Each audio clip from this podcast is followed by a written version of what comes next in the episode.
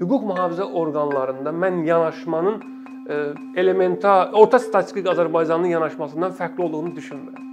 Yəni necə bir Azərbaycanlı sosial mediada e, məişət zəminində baş vermiş cinayətə namus cinayətə kimi yanaşır, öz dünya görüşündə buna yaşıl işıq yandırır o cür yanaşmanın mənim prokurorluq orqanlarında, hüquq mühafizə orqanlarında da şahid olmuşam. Yəni bir sıra mənbələrdən aldığımız məlumatlar da göstərir ki, yəni e, bu bu məsələyə humanizm kontekstində yanaşa bilmirlər. Bu məsələyə cinsi bərabərlik kontekstində yanaşa bilmirlər.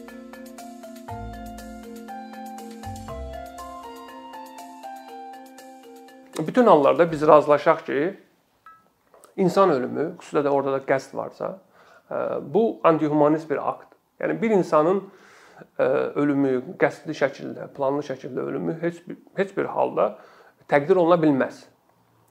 Bu baxımdan istər qadın, istərsə kişi hansısa cinayətin qurbanıdırsa, ortada qəsdən adam öldürmə halı varsa, yəni biz bunu pisləməliyik və biz bununla bağlı deməli zərər çəkən tərəfin iddiası əsasında cavabdeh tərəfi cinayətkarı araşdırmalı, tapmalı və ədaləti bərpa etməliyik.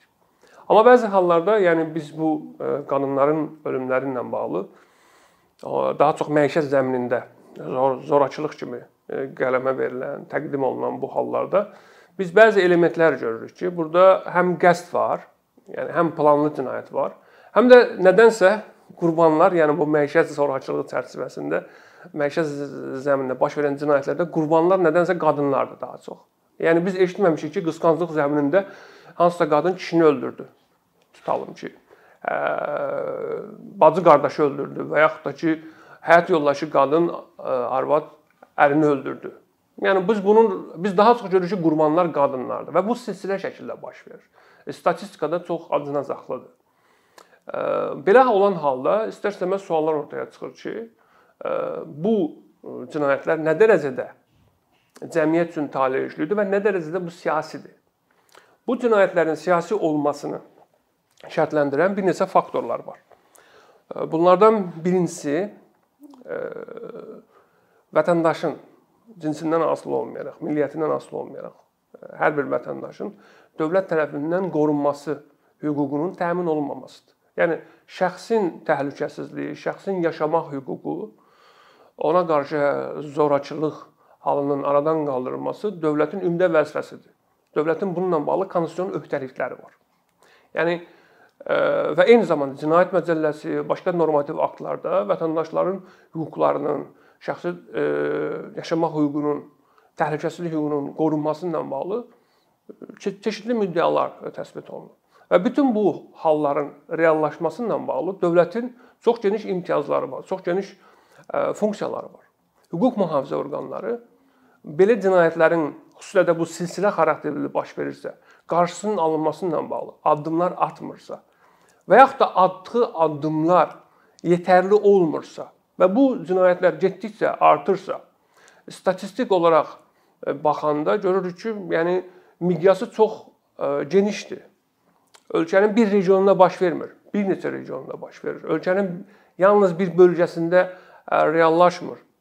Bir sıra bölgələrində Yəni biz qadınların həyat yoldaşları tərəfindən və yaxud da bacıların qardaşı tərəfindən qohum əqrabalar tərəfindən qısnanmasını, zorakılığa məruz qalmasını və öldürülməsinin şahidi oluruq.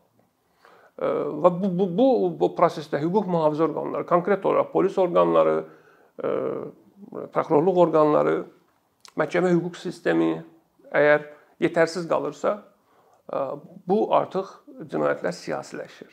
Yəni belə aydın olur ki, vətəndaşın yaşama hüququnun qorunması ilə bağlı dövlətin gərəkli və mükəmməl hüquq müdafiə mexanizmləri yoxdur. Çünki bu bu cinayətlərin qarşısının alınması ilə bağlı geniş miqyaslı e, yəni nə kampaniya aparılır, nə də tutalım ki, hüquq mühafizə orqanları addımlar atır. İkinci bu halları siyasiləşdirən faktor cəmiyyətin bu cür cinayətlərə dırnaqarası namus cinayətləri kimi baxmasıdır. Yəni düşünülür ki, sanki kişilərin qadınlar üzərində ağalığı var. Yəni hər bir qadının davranışı ilə bağlı kişilər kişilər küllü ixtiyar sahibidir. Bu həyat yoldaşı da ola bilər, atası da ola bilər, qardaşı da ola bilər, nişanlısı da ola bilər. Ona hər hansı zorakılığı tətbiq edə bilər. Onu ölüm həddinə çatdıra bilər və bəzən də öldürə bilər. Yəni belə bir yaramaz, mürtəci e, bir ictimai dünya görüş mövcuddur. Bu ictimai dünya görüşün bu cəmiyyətdə mövcud olması həmin cinayətləri siyasiləşdirən növbəti faktordur. Yəni e, dediyim kimi heç bir insanın ölümü e, qəbul edilməz, ola bilməz. Yəni heç bir insanın ölümü təqdir oluna bilməz. Amma cəmiyyətin bir kəsimi, biz sayını bilmirik. 10 nəfərdir, 5 nəfərdir, 1 milyondur, 2 milyondur, fərq etmir. Amma cəmiyyətdə əgər bir yayğın dünya görüş varsa ki, namus cinayətləri çərçivəsində, namus e, kodeksi çərçivəsində, hansısa əxlaq kodeksi çərçivəsində bu adamlar öldürülə bilərlər, onda bu cəmiyyətin problemi var və bu cəmiyyətdə e, belə cinayətlərə qarşı immunitetin olmaması dediyim kimi artıq siyasi məsələdir. Növbəti mən elə gəlir ki, bu cinayətləri siyasiləşdirən onlara siyasi rəng verən növbəti faktor cəmiyyət dövlətin cinayətin motivasiyasına qarşı yetərli tədbirlərini qurmamasıdır. Yəni söhbət nədən gedir? Dediyim kimi bu məişət zəminində baş verən qadın qətllərində bir qayda olaraq belə bir motivasiya əsas götürülür ki, burada qısqanclıq olubdu, burada deyək ki, hansısa bir münaqişə olubdu, ailə şərəf, ləyaqət məsələləri olubdu və s. və ilə axır. Belə bir e, niyyətlərin olduğunu, motivasiyaların olduğunu irəli sürürlər. Amma bütünlükdə bunun arxasında gizlənən bir niyyət var. Kişilərin qadınlar üzərində ağalığı niyyəti. Yəni cinsi bərabərliyin görməzdən gəlinməsi. E, insanlar arasında bərabərlik prinsipinin əsas götürülməməsi. Ailə daxilində bərabərlik prinsipinin əsas götürülməməsi. Kişi-qadın münasibətlərində bərabərlik prinsipinin əsas götürülməməsi. Bax bu kimi hallarla bağlı, yəni bu kimi təbliğat, bu kimi e, yanaşmalar illərlə davam edir. Və biz nəticədə nəyin şahidi oluruq? E, bir kişi anadan olarkən tutalım ki, e, cinayətkar kimi doğulmur. Yəni vaxt vaxtilə hansısa qadını hansısa mübahisə zəminində, hansısa mövzu çərçivəsində qətlə yetirilmiş bir kişi bir gün ərzində cinayətkara çevrilməyib. O illərlə ölkədə aparılan və yaxud da ətrafında, onun o mühitində aparılan təbliğatın nəticəsində özünün dünya görüşünü formalaşdırıb ki, bəli, o ə, e, tutaq ki, e, ətrafında olan qadına nəzarət etmək, onun davranışlarını safsürük etmək, yeri gələndə onu cəzalandırmaq haqqına sahibdir. Yəni ona kənardan belə aşılanıb ki, o doğuluşundan bu haqqı əldə edir istədiyi vaxtı ətrafında olan qadını nəyinsə üstündə cəzalandırmaq. Bax bu təbliğatın, bu dünya görüşünün aradan qalxması üçün Azərbaycan təhsil sistemi, Azərbaycan mədəniyyət siyasəti, sosial müdafiə proqramları yetərli ola bilibmi? Yəni bu təbliğatın qarşısını almaq üçün e, belə dünya görüşün aradan qaldırmaq üçün dövlətin müvafiq strukturları çalışmalıdılar. Nə nə dərəcədə effektiv olublar? Yəni Dediyim kimi bir şəxs günün bir e, bir günün içində cinayətkara çevrilmir, bir ayın içərisində cinayətkara çevrilmir. İllərlə bunun dünya görüşü formalaşır. Bu adam orta məktəbə gedir. Orta məktəbdə bu Azərbaycanda hal-hazırda təhsilin əsas prinsipləri nə olmalıdır? Humanizm olmalıdır. Bərabərlik olmalıdır. Liberallıq olmalıdır. Bu kimi dəyərlər orta məktəblərdə aşılanırmı? Onlara izah olunurmu ki, parta arxasında onunla oturan qız, qız uşağı oğlan uşağından eyni haqqa sahibdir. Bərabərdirlər. Və zaman keçdikcə tutalım ki, bu bərabərlik prinsipi şəxsiyyətə çevrilən, yetkin bir insana çevrilən o gəncin dünya görüşündə oturuşurmu? Əgər oturuşmursa, əgər təhsil sistemi, ümumi təhsil sistemi öz üzərinə düşən funksiyanı həyata keçmirsə, dolayısıyla bu cür cinayətlərə şərik olur. Yəni illərlə bu sistemdən çıxan bu ə, e, fərqli bir dünya görüşü ilə gələnən məktəbin ona verəcəyi humanizm dəyərlərini deyil, ailəninmi, kənarınmı, ətraf mühitinmi, kiminsə ona aşıladığı o mürtəci e, təbliğata uyan gənclər sabah cinayətkara çevriləndə hansısa qadını qısqanclıq zəminində öldürəndə və yaxud da bacısını e, fərq etməz, hansısa qadını zorakılığa məruz qoyanda artıq e, təhsil siyasətinin nə qədər yaratmaz olduğunu biz görürük. Eyni şey mədəniyyət siyasətindən bağlıdır ölkədə. Eyni şey dövlət dövlətin təbliğat siyasətindən bağlı. Məsələn, humanizm dəyərləri ölkənin telekanallarında nə dərəcədə təbliğ olunur? Mən bu yaxınlarda bir e, verilişin belə deyək, müzakirəsini gördüm sosial mediada. Təxminən 18 yaşında bir xanım deyir ki, mən atamla, anamla yaşamaq istəmirəm, ayrılmışam, gedirəm. Və hər kəs onu qınayır. Qınayır ki, sən atan-ananı qoyub hara gedirsən. Biz bu 18 yaşına çatmış, yəni artıq psixologiyası dəyişmiş, bir qədər həssas dönəmə qədəm qoymuş ə, uşağa yeniyetməyə qarşı, gəncə qarşı bu cür ə, telekanal vasitəsilə, teleefir vasitəsilə kütləvi şəkildə linç kampaniyası yəni ağıl ağla sığılmaz bir şeydir. Buna bu dövlət buna necə yol verə bilər? Yəni dövlət e, onsuz da telekanallara, yəni e, dövlət büdcəsindən maliyyələşən kanallara müəyyən sifarişlər verir ki, tutam ki, siz bu sənədli filmləri çəkin, bu işləri görün, bu işləri görün. Tamam özəl kanallarda deyək ki, dövlətin hüquqi baxımdan müdaxilə imkanları yoxdur. Amma başqa qurumlar var, institutlar var ki, və da dövlətin bir ailə qadın və uşaq komitəsi var ki, bu halların monitorinqini aparmalıdır. Ombudsman e, ofisi var ki, bu halların monitorinqini aparmalıdır. Amma əfsuslar olsun ki, dövləti təmsil edən bəzi strukturlar bu məsələlərdə, bax bu təbliğatla bağlı, yanlış təbliğatla bağlı, mühafizəkar dəyərlərin, mürtəzə fikirlərin, e, yəni ailənin uşaq üzərində, gənc üzərində, övladları üzərində total nəzarətini e, belə deyək, təlqin edən hallarla bağlı mövqe ortaya qoya bilmir.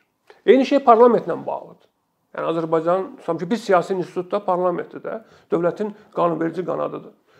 Və dövlətin məhkəmə hüquq siyasətini, dövlətin icra siyasətini, təhsil siyasətini, mədəniyyət siyasətini safçürük eləyəcək olan qurum parlamentdir. Amma biz parlamentdə tutam ki, məişət zəminində baş verən cinayətlərlə bağlı və yaxud da qadınların ölümü ilə bağlı, onların üzərində zorakılıq və ölüm həddinə çatdırma, intihar halları bununla bağlı hərcan təbirini eşitmirik. Deputatlar bununla bağlı açıqlamalar vermirlər, çıxışlar etmirlər. Bu halların üzərinə getmirlər. Yəni fərq etmir. E, hadisə var və əgər bu silsilə xarakter daşıyırsa və hər kəs bilirsə ki, tutalım ki, bu cinayətlərin baş verməsinin arxasında mühafizəkar baxışlar da olur. Özünü proqressiv sayan, özünü müasir dəyərlərə bağlı sayan deputatlar, millət vəkilləri bu hallara etiraz etməlidirlər, bildirməlidirlər, öz təkliflərini ortaya qoymalıdırlar. Bunu etmirlər. Və e, istərsəməz artıq belə bir e, durum mənzərə yaranır ki, mövcud hüquqi siyasi sistem Azərbaycanda qadınların qətllərinin, qadın cinayətlərinin siyasiləşməsində bilavasitə iştirak edirlər. Və e, bunun əsas səbəbi mövcud hüquq siyasi sistemin yetərsiz olmasıdır. Yəni bu cinayətlərin qarşısının alınması ilə bağlı yetərsizdirlər. Yəni dövlətin üzərinə düşən məsələləri var və bir də e, cəmiyyətin digər institutlarının, təsisatlarının e, qadın cinayətlərinin qarşısının alınması yönündə ata biləcəyi addımlar var. Yəni dövlət həqiqətən bu halları siyasi taley üçlü problem kimi yanaşmalıdır. Çünki bir sıra məsələlər var ki, bununla bağlı dövlətin fəaliyyətsizliyi problemi daha da dramatikləşdirir. Ölkənin milli səviyyəli getdikcə probleminə çevrilir. Məsələn, İstanbul e, konvensiyası deyilən bir sənəd var. Məişət zorakılığına qarşı Avropa konvensiyasıdır. O sənədin e, Azərbaycan tərəfindən qoşulması, ratifikasiyası zəruri addımlardan biri ola bilər. Yəni ən azından hüquqi bazanı daha da təkmilləşdirə bilərlər. Çünki konvensiyanın Konvensiyaya Azərbaycanın qoşulması bir sıra öhdəliklər gətirəcəkdir və yeni mexanizmlərin ortaya çıxmasına e, rəvac verəcəkdir. Artıq hüquq mühafizə orqanlarının üzərinə də yeni öhdəliklər düşəcəkdir. Dövlət məcbur olacaq bir sıra strukturlar yaratsın. Xüsusilə də vətəndaş cəmiyyəti təşkilatlarının bu prosesə cəlb olunması ilə bağlı dövlət qurumlarla əməkdaşlıq məsələsi prioritetə çevriləcəkdir. Yəni İstanbul Konvensiyasına qoşulmaq zəruridir. Yəni bu bu bir mənalıdır. Dövlət bu addımı atmalıdır. İkincisi, hüquq mühafizə orqanları işini təkmilləşdirməlidir. Yəni hüquq mühafizə orqanlarında mən yanaşmanın e, elementar orta statistik Azərbaycanlı yanaşmasından fərqli olduğunu düşünmürəm. Yəni necə bir Azərbaycanlı sosial mediada e, məişət zəminində baş vermiş cinayətə namus cinayətə kimi yanaşır, öz dünya görüşündə buna yaşıl işıq yandırır. O cür yanaşmanın mən prokurorluq orqanlarında, hüquq mühafizə orqanlarında da şahid olmuşam.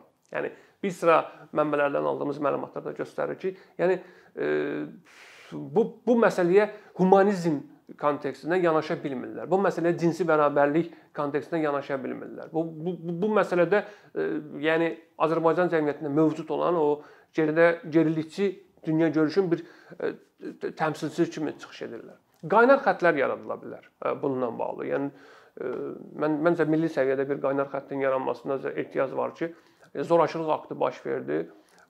Qadınlar tutam ki, təcavüzə məruz qalanda qısnamadır və başqa bu kimi hallardır Yəni qadın kişi fərq etmir. Ən azından qaynar xətt fəaliyyət göstərməlidir ki, artıq bunun e, yəni e, təkcə qadın təbii ki, report verə bilməz, bu heç zəng eləyə bilməz. Kişilər də zəng eləyib tutam hansısa hadisəni bağlı məlumat vermək və dərhal bununla bağlı addımlar atıla bilər. Vətəndaş cəmiyyəti təşkilatlarından əməkdaşlıq etməlidirlər. E, vətəndaş cəmiyyəti qurumlarının Azərbaycanda bu sahədə iştirakı çox çox çox vacibdir.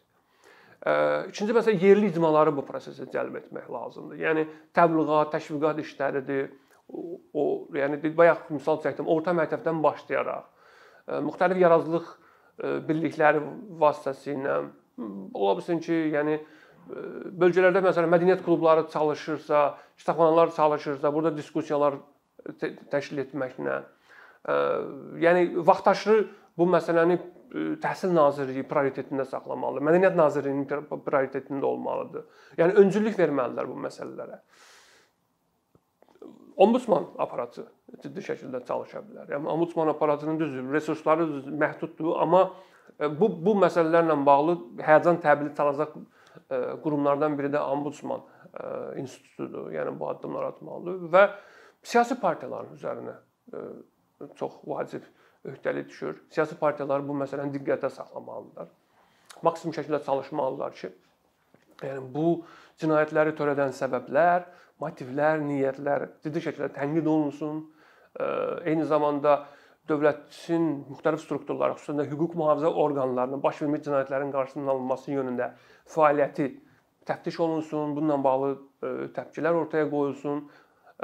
Eyni zamanda dövlətin digər strukturlarının, yəni ölkədə cinsi bərabərliklə bağlı, ölkədə humanizm dəyərlərinin təbliği ilə bağlı, yəni insan ölümü əleyhinə təbliğatın qurulması kontekstində siyasi partiyalar çox fəal olmalılar. Yəni liberal dəyərlərin, demokratik dəyərlərin, humanizm dəyərlərinin Azərbaycanda həqiqətən bir, bir sahibləri ortaya çıxmalıdır. Təbliğatçılar ortaya çıxmalıdır ki, və cəmiyyət görməlidir ki, artıq bir neçə siyasi partiya var ki, təkcə seçki hüququnu deyil, söz və mətbuat azadlığının deyil, həm də dediyim kimi cinsi bərabərliklə bağlı, qadın kişi bərabərliyi ilə bağlı, məişət zəminində zorakılıq hallarına qarşı çox barışmazdılar və belə mövqe qoyurlar. Vacib olan təbii ki, amillərdən biri də parlamentin bu məsələdə aktiv olmasıdır. Parlamentin müxtəlif komitələri məsələn hesabatlar hazırlaya bilərlər. Bu bu hallarla bağlı araşdırmalar apara bilərlər vaxtaşırı bu məsələni diqqətdə saxlaya bilərlər. Yəni cinayət hadisələrini pisləməklə yanaşı bu dediyim kimi bu bu cür halları, bu cür tendensiyanı doğuran səbəblərin üzərinə getməlidirlər ki, nələrdən qaynaqlanır. Yəni bütün bunlar əgər dediyim sadaladığım məsələlər bu və ya digər formada icra olunarsa, biz yaxın illərdə 5 il, 6 ilə çox ciddi dəyişikliklərin şahidi ola bilərik.